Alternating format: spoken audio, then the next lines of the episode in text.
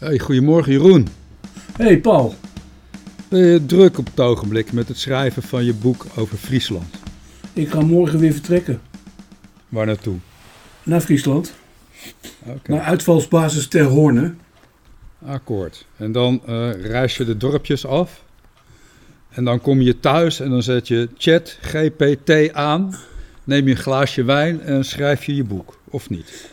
En dan ga ik achterover zitten en dan eh, komt er een perfecte tekst over Lemmer uit. Nee, dat, nee, dat doe ik niet. Nee, want er gaat ook nog eens een keer een eh, behoorlijke telefoon- en uh, achtergrondinterviewronde aan vooraf. Want ik probeer het eh, heel erg up-to-date te doen.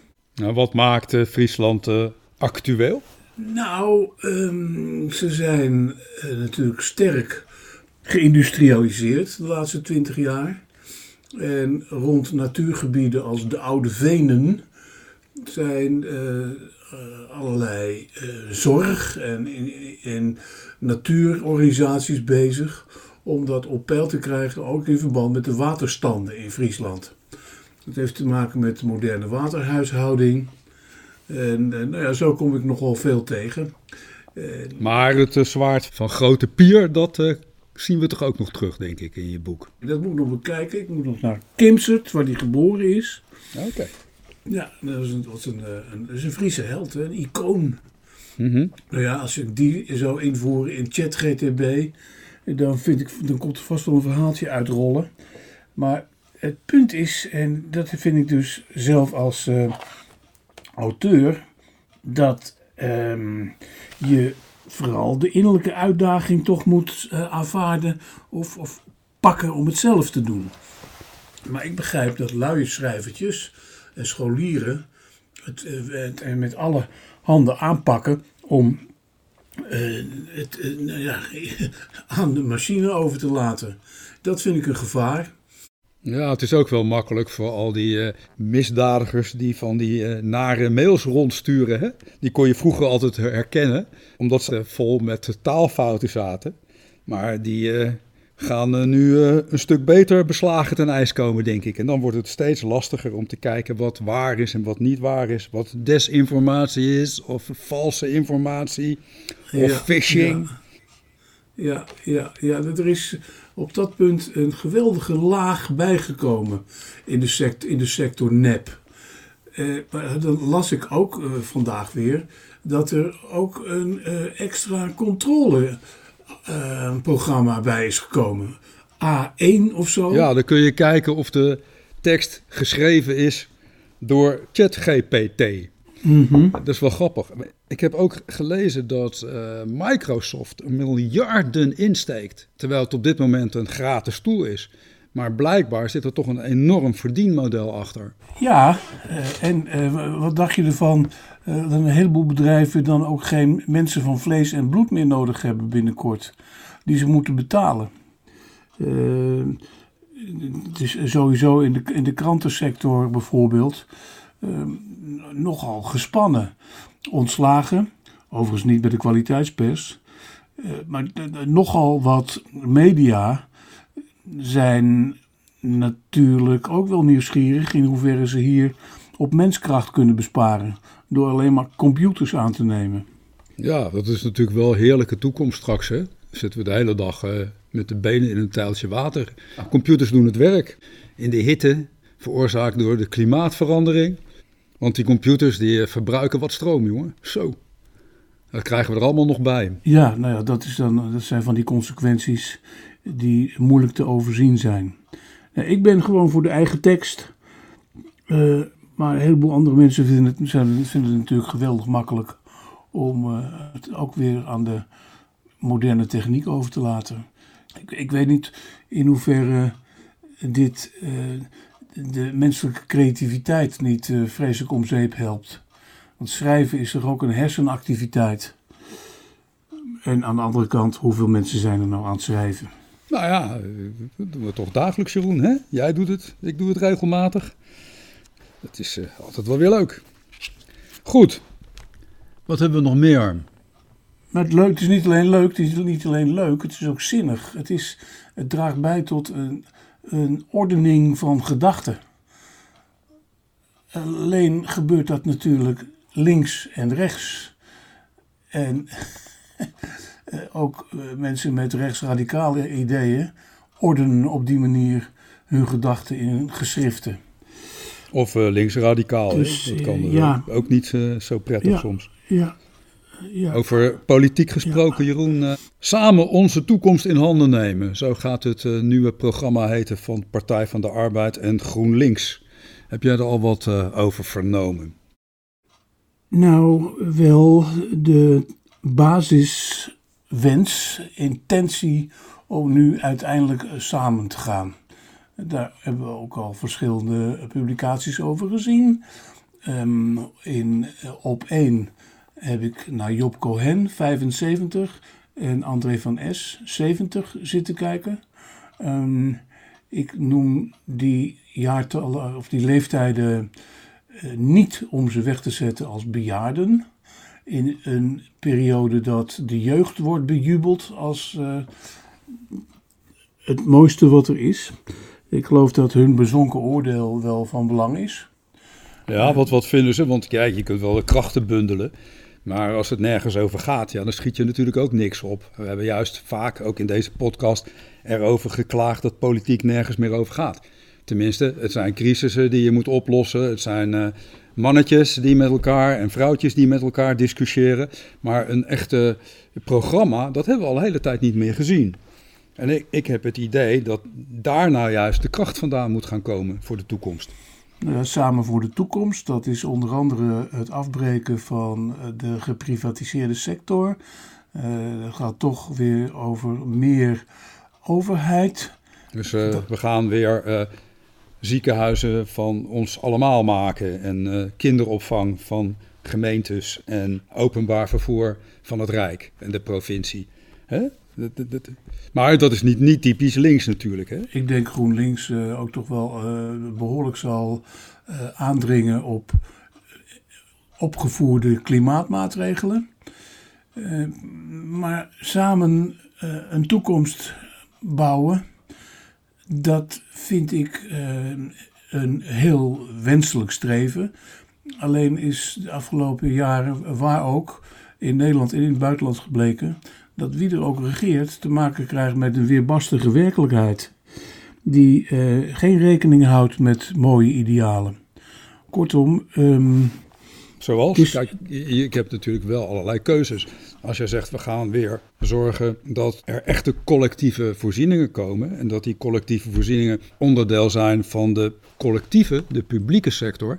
Ja, dan maak je wel een keuze. Uh, zeker met het oog bijvoorbeeld op openbaar vervoer. Wat het op dit moment uh, als private sector best wel heel erg lastig heeft. En dan zeg je, nou oké, we gaan dat dan weer publiek doen. Dan investeer je daarin.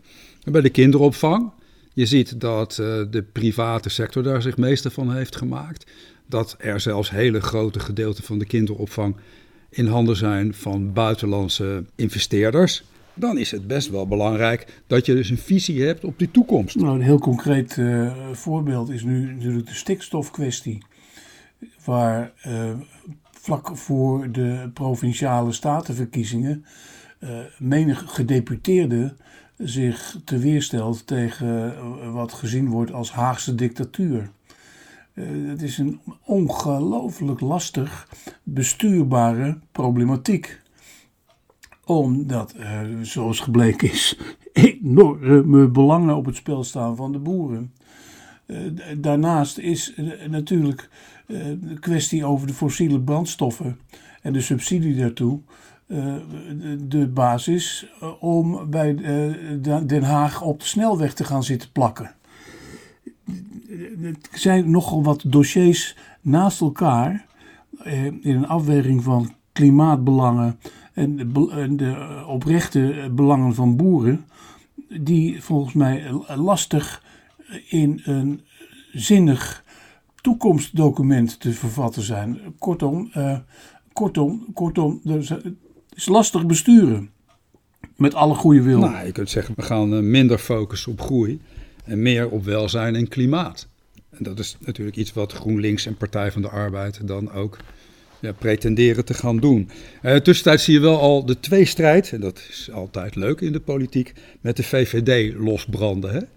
Je ziet nu dat de VVD al mooi aankoerst op die twee strijd. In een interview met Mark Rutte en Edith Schippers, hè, beoogde opvolger, wordt al gezegd van... kijk eens, we krijgen straks weer al die linkse plannen. En dat betekent natuurlijk voor de burger enorme belastingverhogingen. En ja, wie gaat al die plannen betalen? En dat, uh, dat wordt wat we nu gaan zien. En dan gaat het dus weer niet om ideeën en hoe we ons land in gaan richten, maar om geld. En daar zou Partij van de Arbeid en GroenLinks wel eens kunnen doorheen breken. Door echt met een ideeel programma te komen. Waar we in de toekomst op kunnen sturen. Ze zijn met elkaar in de wolken. Wat de Telegraaf en wat Rutte dan de, benoemt als de linkse wolk. Nou, we gaan het zien. Nou ja, ik, ik, ik uh, vind het uh, zo langzamerhand wel tijd. Uh, alleen denk ik ook aan um, wat dit nieuwe linkse lichaam werkelijk um, voor kiezers trekt. Want het ziet er in de peilingen, ook als je ze samenvoegt, niet uit als een um, robuust machtsblok. Hoe hoezeer ik het eh, ze ook gun en hoezeer een deel van de samenleving het ook nodig heeft. Wij proberen nu ideeën te ventileren en ideeën te krijgen, eh, te vinden, die uit die samenwerking komen. Maar echt gecommuniceerd worden die ideeën nog niet. Dus ja, we kunnen er eigenlijk nog heel weinig over zeggen. Nee, nee. Ik uh, hoop dat het uh, wat meer echte handvaten komen de, de komende tijd. Nou ja, het is, de verkiezingen komen eraan. En die gaan zoals gewoonlijk niet over de provincies, maar eh, over de verhoudingen in het land.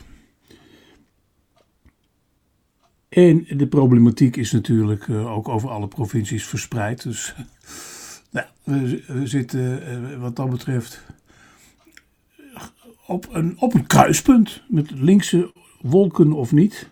Uh, het is in ieder geval wel tijd dat, dat rechts, en dat is natuurlijk wat er werkelijk aan de hand is, dat, al die publiciteit over het samengaan van de Partij van de Arbeid en GroenLinks, dat, dat op, op rechts vermoedelijk grote verschuivingen zichtbaar zullen worden straks bij die verkiezingen. Zoals? Nou ja, de, de ja, kijk, de vorige provinciale verkiezingen was Forum voor Democratie de grootste partij van Nederland. Ja. Dat zullen ze nu zeker niet meer zijn. Maar nu wordt er natuurlijk heel erg gespeculeerd op de opkomst van de boerenburgerbeweging. Ja, en populisten als Ja 21. En uh, we hebben op rechts natuurlijk een uiterst versnipperd landschap gekregen. Ik ben um, beducht voor uh, de, opnieuw een nieuwe machtsgreep van populisme. Bij het tanen van uh, de invloed of de populariteit van Forum van Democratie, zal een deel van het electoraat dan maar kiezen voor uh, een andere populist, denk ik. Dat komt denk ik ook doordat mensen uh, nog steeds niet een antwoord hebben op hun vragen. Uh, er is nog geen antwoord op financiële problematieken. Er zijn allerlei schandalen die breed worden uitgemeten. Mensen die zijn onzeker over de toekomst. Er is ook nog eens een oorlog aan de gang Mhm. in Europa, wat mensen onzeker maakt. Er is uh, ja, ge- gebrek, er is armoede, er is uh, de gedachte dat het klimaat uh, heel veel geld gaat kosten. Er is, ja, er is onzekerheid. En in die onzekerheid worden geen antwoorden gegeven. We hebben, dat mogen we ook niet vergeten, de onzekerheid rond de migratie. Daar worden nu toch uh, alweer scenario's geschetst waarbij vele mensen weer op straat gaan belanden. Nou, dat maakt onzeker, dat maakt angstig. Daarvoor heeft de politiek geen oplossingen. En men zal dus echt duidelijk met goede ideeën moeten gaan komen. Maar niet een idee van, ja, we lossen het probleem op. Nee, hoe voorkomen we het probleem en hoe gaan we ervoor zorgen dat die problemen bij voorbaat zijn onderkend en met frisse en goede oplossingen worden getackeld. Iets anders zien we de verregaande digitalisering. En dan moeten we alsmaar verder met digitaal, digitaal, digitaal. Nou, zoek eens iets op tegenwoordig. Moeten eens iets hebben van de overheid. Je wordt helemaal gek. En er is geen enkele politieke partij die daar nou zijn behoorlijk antwoord op geeft. We lazen deze week dat één op de zes mensen niet goed weet hoe ze om moeten gaan met hun bankzaken digitaal. Nou, vanochtend maakt de ING zijn resultaten bekend. En wat zeggen ze ook? We gaan nog verder inzetten op digitalisering, alsof het nog verder kan. Ik eh, word er af en toe zelf gewoon knettergek van. Ik ah, eh, erger me rot aan alle tijd die dat kost. Zoek maar eens wat iets op. Zoek maar eens contact met een organisatie. Kom maar eens iets te weten. Nou, je bent zo uh, half uur verder. Je kunt bijvoorbeeld bij mij in Utrecht niet meer gewoon even binnenlopen naar een gewone bank op een plein. Nee. Is er niet meer. Nee, bij ons niet. Het is maar voor mij 25 kilometer rijden voor het eerste filiaal. Ja. Ja. En dat, gaat nog verder door. Hè? En dat, dat, dat kunnen we ook niet meer terugdraaien. Want die, die banken die hadden natuurlijk al die panden in, in bezit. Ja, al die panden zijn verpatst. Nou, dat koop je nooit meer terug natuurlijk. Nee, nee, maar... Daar kan een politiek best wel eens een antwoord op geven. En vroeger hadden we de Giro, de, de, de, post, eh, de postcheck en Girodienst. Ja, dat was allemaal best wel leuk eigenlijk. Je kon eh, naar de Bruna of naar het postkantoor en alles was geregeld. Nu uh, is het hartstikke lastig soms. Nou ja, ik denk dat de politiek daar een, een, een, nimmer meer zal kunnen sturen, want het is een voldongen feit. Ja, en, nou ja, ik noem het openbaar vervoer. Op het moment dat daar bedrijven in de problemen gaan komen, kun je als overheid misschien wat meer gaan doen. We hebben op dit moment uh, gezien dat ze in Duitsland geweldige initiatieven nemen. Het openbaar vervoer wordt daar verschrikkelijk goedkoop. Voor een paar tientjes kun je er een maandkaart kopen. Kun je met bus, trein en, uh, en wat, wat, wat, wat er nog meer eh, voorhanden is aan openbaar vervoer. Ideaal. In Nederland verdwijnt het uit de provincie. Ik denk dat heel veel mensen dat ook vervelend vinden. Nou ja, dat zijn praktische dingen waar eh, mogelijk wel nog iets te behalen is.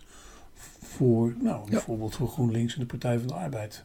Uh, opkomend uh, voor de minder bedeelden, voor sociaal menselijk beleid.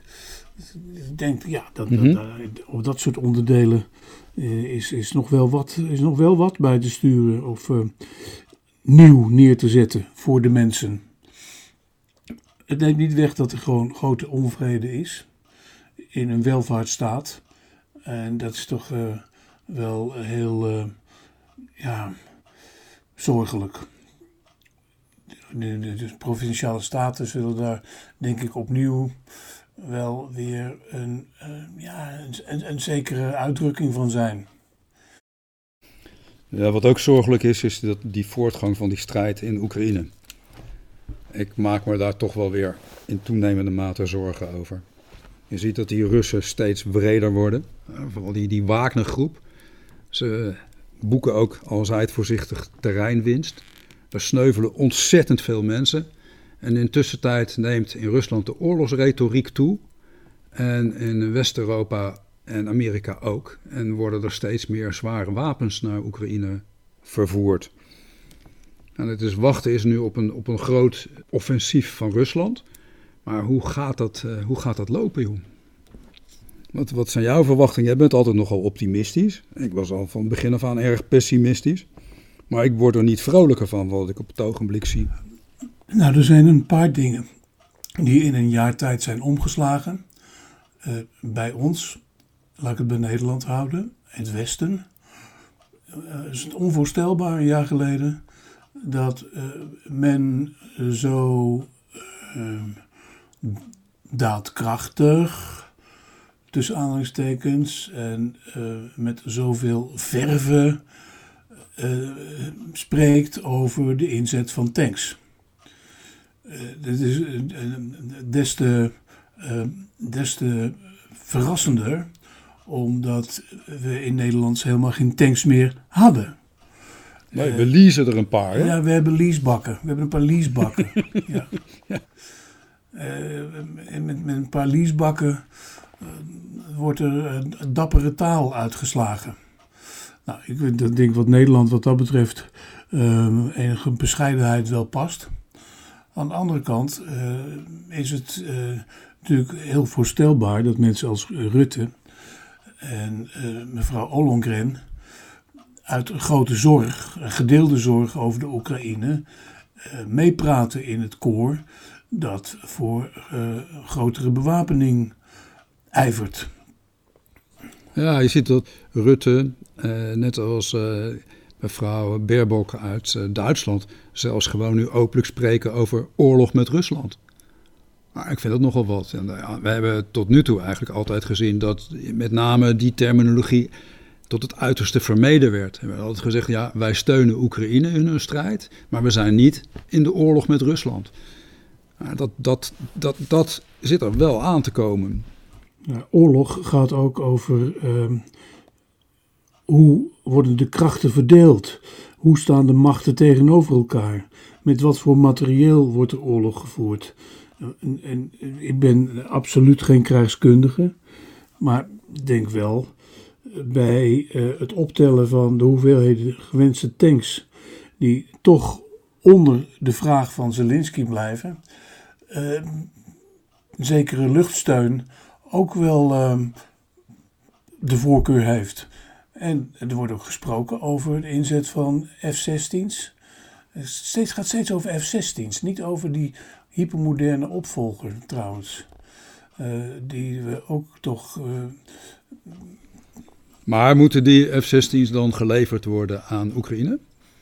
Met het risico dat ze ook gebruikt worden voor inzet op Russisch Nee. gebied?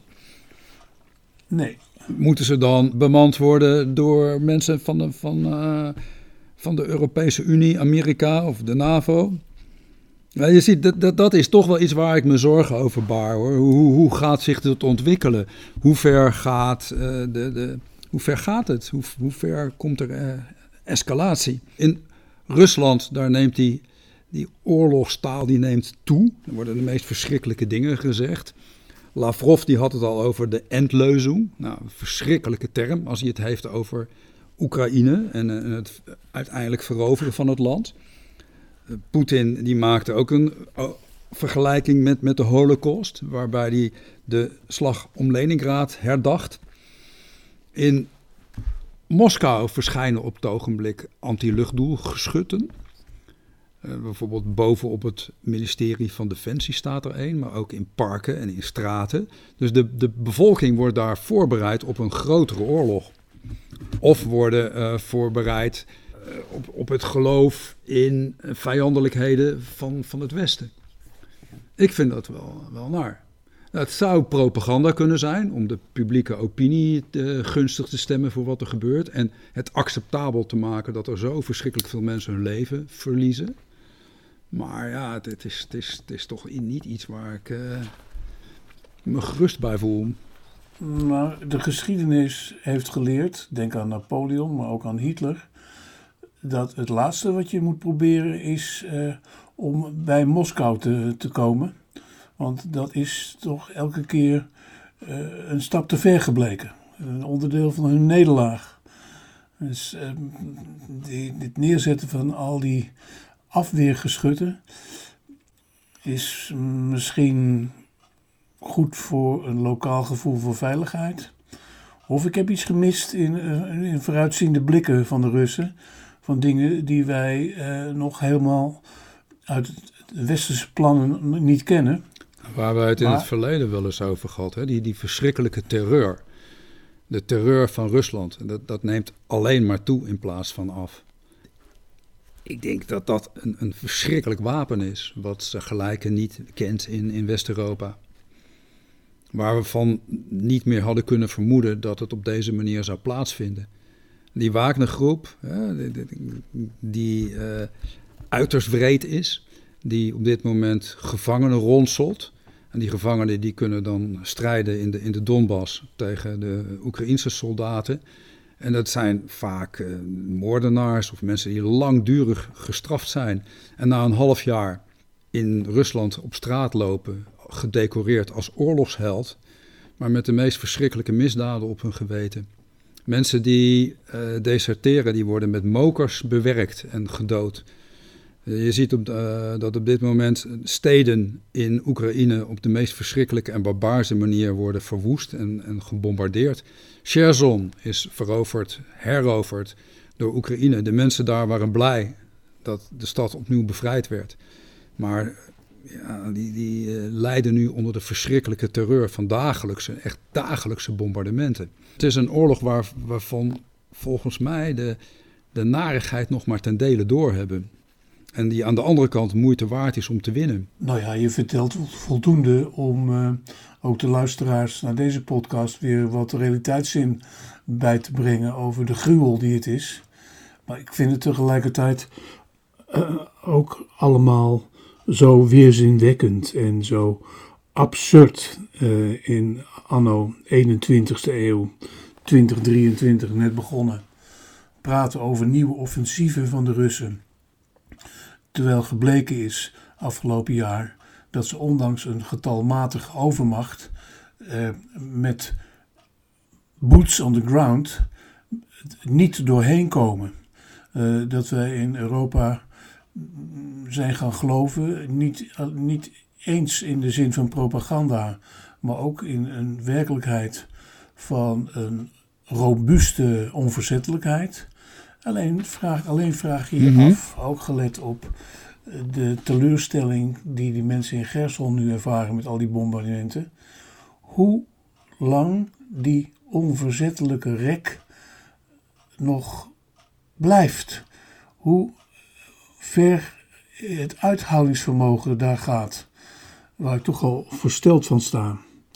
En ja. ja mensen, menskracht. Uh, Rusland is een heel groot land. En blijkbaar is uh, Moskou in staat gebleken om heel veel mensen in dat leger te krijgen. Er is toen gesproken over mobilisatie. En er werd toen gesuggereerd dat daar een einde aan kwam. Maar het blijkt dat die mobilisatie gewoon is doorgegaan.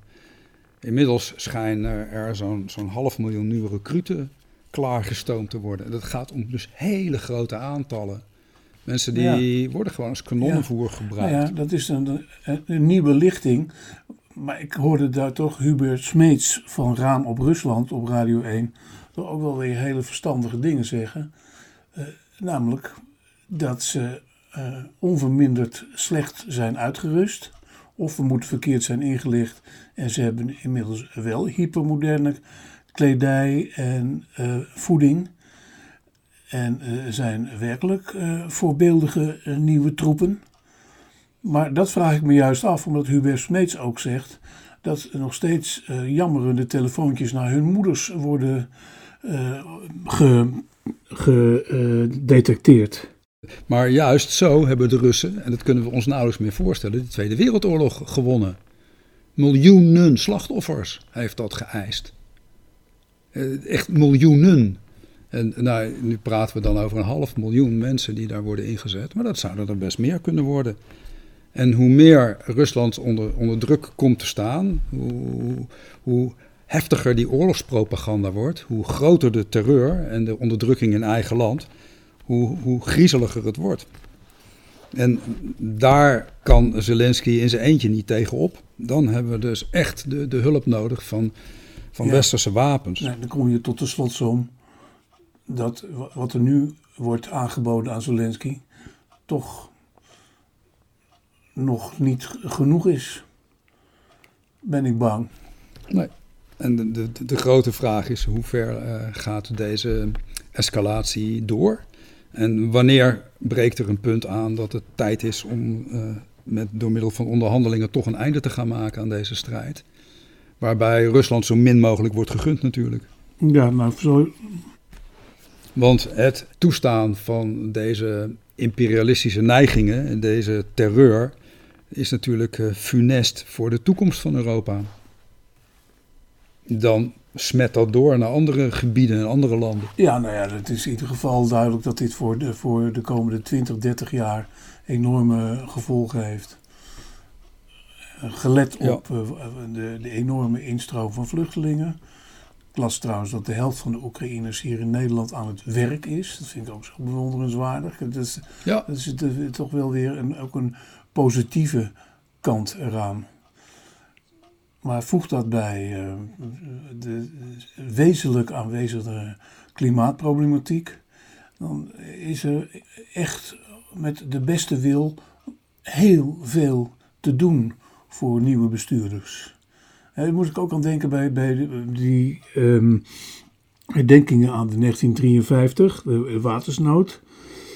Dus, uh, om de zoveel decennia gebeurt dat. Ik was er zelf voor de NOS bij eh, toen het 50 jaar geleden was, 20 jaar geleden. En het is, het is net als met de oorlog. Ehm, dus in Zeeland, net als de oorlog, is na de ramp vooral gezwegen. Eh, het was weer heroppakken, heropbouwen. Acht jaar na de oorlog moest Zeeland dubbel aan de slag. En dan zie je dat toch weer veel mensen praten en uh, hun hart luchten. Het zijn heroïsche verhalen. Uh, ook nu weer het verhaal vanochtend in de krant over een hond in Scherendijken. Die tientallen koeien heeft gered. En nu een standbeeld komt voor die hond. Ja. Toen? Ja. In die 53. Ja. Dus die hond krijgt nu nog een standbeeld. In... Oh, dat is onomstreden. Hè? Dat, dat, zo iemand dat kan niet uh, later uh, worden verklaard tot uh, oorlogsmisdadiger. Zoals we nu toch met heel veel standbeelden nee. zien gebeuren. Dus dat hondje zal wel eeuwigheidswaarde krijgen, Jeroen. Iedereen, iedereen ja. gaan kijken naar de hond. Naast ja. Hansje Brinker ja. kan die dan nog komen te staan. Maar wel, en, en, en, en dat is misschien wel een, een, een goede om mee af te sluiten. Met alle zorgen die er zijn over de oorlog. Zorg vooral dat de dijken goed blijven. Ja, Hansje Brinker hebben we nodig. Hè? Duimpje erin, klaar, opgelost. Ja, en dat er, dat er uh, vooral verstandige ambtenaren en mensen bij Rijkswaterstaat blijven. Die tijdig hun zorg uiten. Want uh, ja, de zeespiegelstijging, hè? Politiek moet maar eens een keer aan het werk, hè? Met visie op de toekomst. Uitdagingen genoeg. Zo is dat. Mooi. Hoi.